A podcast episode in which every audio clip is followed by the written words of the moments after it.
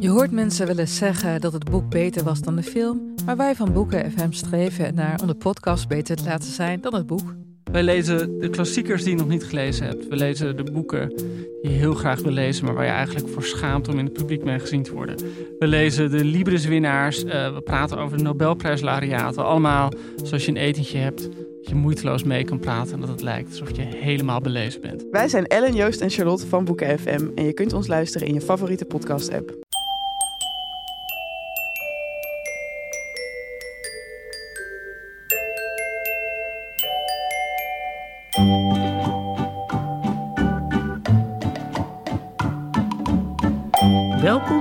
Aflevering 325 van Echt Gebeurd, de podcast waarin mensen hun eigen waargebeurde verhalen vertellen.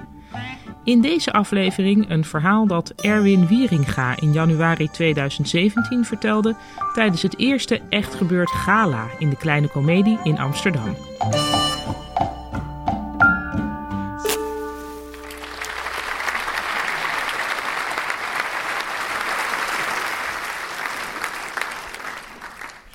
42. Dat uh, was mijn geluksgetal en dat fluister ik in de oor van juffrouw van Wiggeren. Op de lagere school werd ze ook zeug genoemd, maar dat wist zij zelf niet.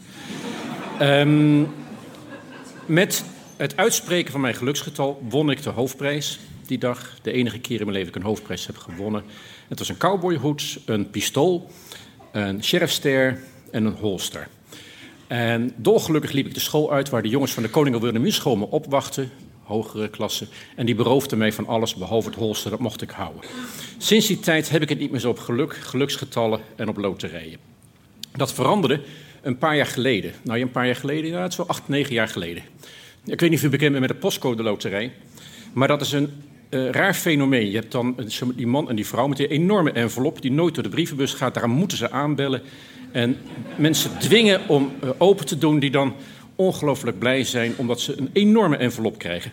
In ieder geval, die hoofdprijs van de postcode loterij was op mijn adres gevallen, mijn straat. Echte hoofdprijs. Ik had geen lot. En nou word je verondersteld jaloers te zijn en, en, en, en, daar lullig over te voelen en een rechtszaak aan te spannen. Dat heb ik niet gedaan. Maar het was wel zo dat mijn buurvrouw aan de rechterkant, die had wel medelijden met me, want zij kon onmiddellijk scheiden van haar partner. Veganistische leefstijl aanhangen en de damesliefde aanhangen. En de buurman aan de linkerzijde, die uh, zijn baan op als uh, chauffeur van, een, uh, van de BP tankwagens, zodat ik echt plezier miste op vrijdagmiddag dat hij restje benzine tankte in emmertjes en dat verstopte in het schuurtje. En hij heeft in plaats daarvan voor 20.000 euro een Poolse vrachtwagen met vol met vuurwerk laten komen. Een interessante combinatie. Um, in ieder geval, de buren drongen bij mij op aan dat ik vanaf dat moment ook mee ga gaan spelen in de loterij. En dat ik toch een beetje een slappe zak ben, heb ik dat uiteindelijk gewoon gedaan. Want je ben je van het gezeur af. Ze zei, Erwin, je bent jaloers, geef het maar toe. Uh, neem, neem ook een lot. Dus ik heb een lot genomen. Nou, dat verhaal gaat verder in december van een aantal jaar geleden. En dan moet je weten, uh, ik ben te ik heb kinderen. En een van mijn kinderen, een, dochter van mij, is een, uh, die heeft in een onbraakmoment... werd ze uitgenodigd door een televisiemaatschappij RTL om mee te doen met een programma waarbij je met allemaal meisjes uh, in een vliegtuig werd gezet, naar Suriname werd vervoerd. En dan moest je allemaal dingen met elkaar gaan doen. Uh, en daar mocht je als ouders niks van weten. Dus zij was daar en daar waren opnames gemaakt en dat was allemaal riskant en leuk en apart. En zij wilde dat wel gaan doen. Maar zei ze tegen me van ja, maar ja, nou mis ik kerst en oud en nieuw. En op mijn leeftijd ben je geleidelijk aan gewend geraakt aan het idee dat kerst en oud en nieuw vreselijke feesten zijn. Maar toen dacht ik van het zijn eigenlijk best aangename feesten als die drukte maar vanaf is. Of een beetje heel andere druk erop gelegd wordt. En toen hebben we de drukte zo opgelegd dat we in één avond en kerst en oud en nieuw en pak een beet ook maar even Sinterklaas gevierd hebben. Dus gedichten, kerstboom gehaald, oliebollen gebakken, vuurwerk, de hele, hele rattenplan. En Imke, zo heet mijn dochter, was hartstikke blij, heel gezellig. En om de feestvreugde compleet te maken, dacht ik van nou ja, ik nodig ook mijn andere kinderen uit en mijn ex-vrouw. En mijn ex-vrouw was, nou ja, het was ja, tien jaar daarvoor. Het was geleidelijk aan goed geworden. Het is een typisch zo'n zo'n slechte scheiding. Zo'n scheiding waarbij je eh, elkaar de tent uitvecht, maar later wordt het goed. Dus we hadden een heel goed nahuwelijk. Maar het was voor het eerst dat zij in mijn huis kwam. Voor het eerst dat ze huis Dus zij zit daar met haar nieuwe man aan mijn tafeltje. En ik ben aan het koken en we hebben lekkere dingen en we praten wat. En op een gegeven moment zegt ze tegen me van... Erwin, ik moet je toch wat vertellen. Ik zei, nou, wat is dat? Ze zei, ja, kan jij je nog herinneren onze ex-zwager Jan, die onlangs overleden is? Ik zei, ja, ja, ja, Jan herinner me. Jan is een soort bon vivant. Die was, hij woonde in Haarlem, gaf al zijn geld aan de kroeg, rookte, maakte ruzie. Gewoon zo'n gezellige jongen. um, ze kan jij je herinneren dat je ooit uh, aan hem geld hebt geleend? Ik zei, nou ja, in die tijd, dat is zeker nou, echt 30 jaar terug...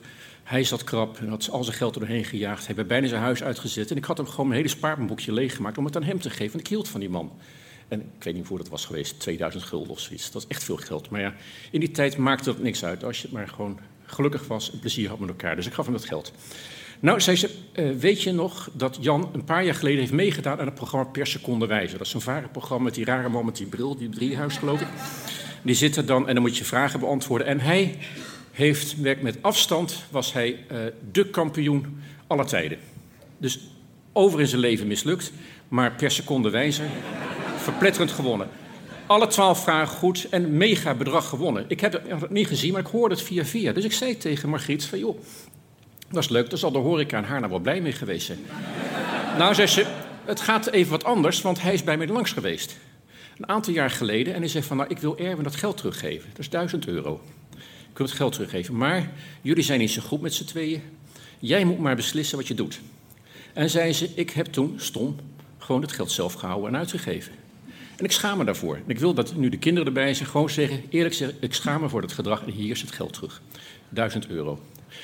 Nou moet je weten dat ik een beetje introverte man ben, dus ik kan niet gelijk zeggen, yes, nou, hartstikke leuk, wat gaan we ervoor doen? Dus ik pak dat geld in een envelopje aan en ik leg het achter meneer. We praten door en uh, over koetjes en kalfjes en er niks gebeurd is. Wij brengen Imke naar het vliegveld, Schiphol, zwaaien eruit en ik kom terug in mijn huis. En ik verwacht een enorme puinhoop, want ik had echt lekker gekookt. Ik kan het eerlijk zeggen, ik kan lekker koken. Uh, maar ik ruim slecht op. En als je een nieuwe relatie hebt, en dat had ik toen, is dat wel eens een bron van conflict. En mijn nieuwe partner was op dat moment in huis aanwezig. Um, ik zal gelijk zeggen, zij heeft het niet zo op Margriet. Ze vindt dat een, ja, een beetje hypocriete geïnformeerde trut. En ze vindt dat. Uh, zij kan daar niet tegen. En, dat, uh, en dan kies ze ervoor om gewoon afstand te houden. Wat is beter voor iedereen. En anders is de sfeer bedervend. En het was tenslotte kerst, oud en nieuw en Sinterklaas. Dus ik zit daar. En ik zeg van, moest luisteren. Zeg, Thea, dit wil je niet geloven. Dit verhaal moet je horen. Wat er gebeurd is. Duizend euro. Je, dit, dit geloof je niet. En zij had ondertussen de afwas gedaan, opgeruimd. Zegt, Erwin, waarom is het altijd zo'n tering zo in jouw huis als je gekookt hebt? Ik zeg, dankjewel, je hebt het opgeruimd. Dank je, maar ga even zitten. Hoor het verhaal. En ik vertel het verhaal, zegt ze, nou, het zou me verbazen als het hele bedrag erin zit. Laat maar zien. Ik zeg, nou. Ik zeg, waar is die stapel gebleven? Ik had hier toch een stapel met krant. Daar lag die envelop. En zei, de stapel krant, dat was oud papier, dat heb ik weggegooid, dat is allemaal weg. Ik zei, nou, daar zat wel mooi een envelop met duizend euro tussen. En zei ze, daar zat er niet tussen. Ik heb echt gekeken, er zat echt geen envelop met 1000 euro tussen. Maar wij kijken, links, rechts kijken, en die envelop is gewoon niet te vinden, die is gewoon weg. En zij begint te huilen. En ze van geen huid, het is toch een mooi verhaal. Ik heb het geld nooit gehad. Ik heb er nooit op gerekend. En ik heb de excuses gehad, kan jou het schelen. Laten we zitten. Maar zij bleef er over doorgaan, want het zat toch al niet zo lekker tussen ons en wat dan ook. Ze wilde dat uitleggen. En ze van, van uh, maar het is ook je eigen schuld een beetje, want je bent zo rommelig. Ik zei, ik ben helemaal niet rommelig. Ik heb gewoon een envelop met 1000 euro neergelegd. En als je je verstand had gebruikt, had je gewoon gekeken. Dus het eindigt een beetje in lichte conflictsfeer. Um, terwijl geld niet belangrijk is. Nou, we gingen toen... Uh, dat, het verhaal gaat door, want we zijn nog niet hoor. Er komt een apotheose, want je moet ze... Ik weet dat ik de clue niet weg mag geven, maar ik geef het toch een beetje weg. Er komt, er komt een vervolg op de verhaal. Want wat er gebeurde was, een paar weken later, ze bleef erop terugkomen. Want zij is nogal doortastend en volhoudend, die dingen, volhardend. Zij zei, weet je echt zeker dat je daar eigenlijk weg zei, laat maar zitten. En zij heeft een goed doel. Zij zou het nieuwe jaar naar Afrika gaan om een school te ondersteunen. Ze ging weg. En ik dacht bij mezelf, weet je wat ik ga doen? Ik maak het goed. Ja, ik maak het goed. Dus ik, wat ik doe, ik, ik ruim mijn huis op. Ik kook lekker en ik is alles opgeruimd. En de avond voor oudjaar komt ze gezellig, goede fles wijn. We praten over het leven en uh, dan komt alles goed. Um, we zitten daar en we, we, praten gezellig. En op een gegeven moment zegt ze tegen Erwin: Doe me een plezier. Als ik nou weg ben, ga nog één keer door je, door je stapel kranten. Ik, het, laat me maar niet los. Dat geld moet in je huis zijn. Ik weet het, het moet in je huis zijn, want ik heb het niet weggegooid. Ik zei: Nou, ik zou niet weten waar. Nou, ze, kijk gewoon bijvoorbeeld in je stapel Vrij Nederlands. Van waar het zou kunnen liggen. Nou, weet je, zeg ik. met oud en nieuw, ik weet niet hoor. Ik vind het zo deprimerend. Al die jaaroverzichten, al die dode mensen en al die opinies. Ik heb gewoon de hele stapel vanmiddag weggeflikkerd. Ongelezen, in de wikkel en al. Kan me helemaal niet schelen dat Micha Wertheim erin staat. Weg met die zooi. Dus ik heb het weggemikt. En op dat moment, je zegt wel eens, je hoort wel eens dat mensen zeggen... op zo'n moment zie je iemand tien jaar ouder worden. En ze zegt tegen me van, ja maar, ja, ja maar... ik heb een envelop met duizend euro ertussen gedaan. En dat kan je niet menen als je gedaan hebt. En op dat moment verlies ik gewoon mijn normale, kalme zelfbeheersing. en ze wat beter een stomme trut. Godverdomme. In iedere normale relatie spreken mensen dat uit. Ze vechten elkaar de tent uit, slaan elkaar een keer, maar dan is het over en dan is het voorbij. Je gaat toch geen duizend euro tussen de kranten stoppen in de hoop dat ik het terug ga vinden. En dan wonder boven wonder, deus ex machina, is de relatie goed. Zo werkt dat niet. Nou zij blijft huilen en op dat moment zegt van, nou, en dan ben ik het zat ook. Ik heb hier een staatslot. Dat gaat morgen naar de dakloze krantverkoper. En ik heb hier die postcode loterij. Die stop ik ook onmiddellijk mee. Klaar. Afgelopen uit, we gaan zitten, we praten nog een beetje. Morgen ben ik hier naar het vliegveld. En laat alsjeblieft dit nou eens zitten. Dus ik breng haar die volgende ochtend naar het vliegveld. Zij gaat weg en zegt ze, ja, hoofdschuddend, ja, hoe moet het nou tussen ons verder? Ik zeg, nou, dat komt wel als je terug bent, kom wel eens terug. Um, oudjaar, ik zit lekker thuis, boek lezen, ik ga op tijd naar bed, wat normale mensen horen te doen. Um, dan de volgende ochtend gaat de telefoon uh, van het vliegveld van Dakar. En ik zeg, ah, hi, hi, Thea, hoe is het? Ja, hoe is het daar? Ja, nee, warm, warm. En ze heb je nog gekeken? Ja, nee, nee, ik hoef niet te kijken, het is er gewoon niet. Dat weet je toch, dat is echt niet. Maar het is, wat is het toch een lawaai op de, op de lijn? Is de, onze verbinding zo slecht? Ik zei, nee, nee, de verbinding, de vind ik ze. Nou, wat is het, wat is het? Oh, ik zei, er staat een enorme vrachtwagen hier voor de deur.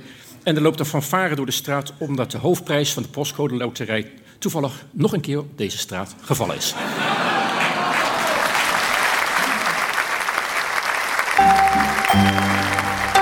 Dat was een verhaal van Erwin Wieringa. Erwin is orthopedagoog met een voorliefde voor lastige mensen in lastige situaties. Hij zet zich met name in voor mensen met ernstige handicaps in de samenleving. Je kunt meer over hem lezen op stichtingdetoekomst.nl. Erwin heeft meer bij ons verteld uh, en een ander verhaal van hem is te horen in aflevering 262 van deze podcast. De redactie van Echt Gebeurd bestaat uit Micha Wertheim, Rosa van Toledo, Maarten Westerveen en mijzelf, Panien Cornelissen. De productie doet Eva Zwaving, zaaltechniek voor deze aflevering deed Nicolaas Vrijman en de podcast wordt gemaakt door Gijsbert van der Wal. Dit was aflevering 325, dankjewel voor het luisteren en vergeet niet, het is herfst.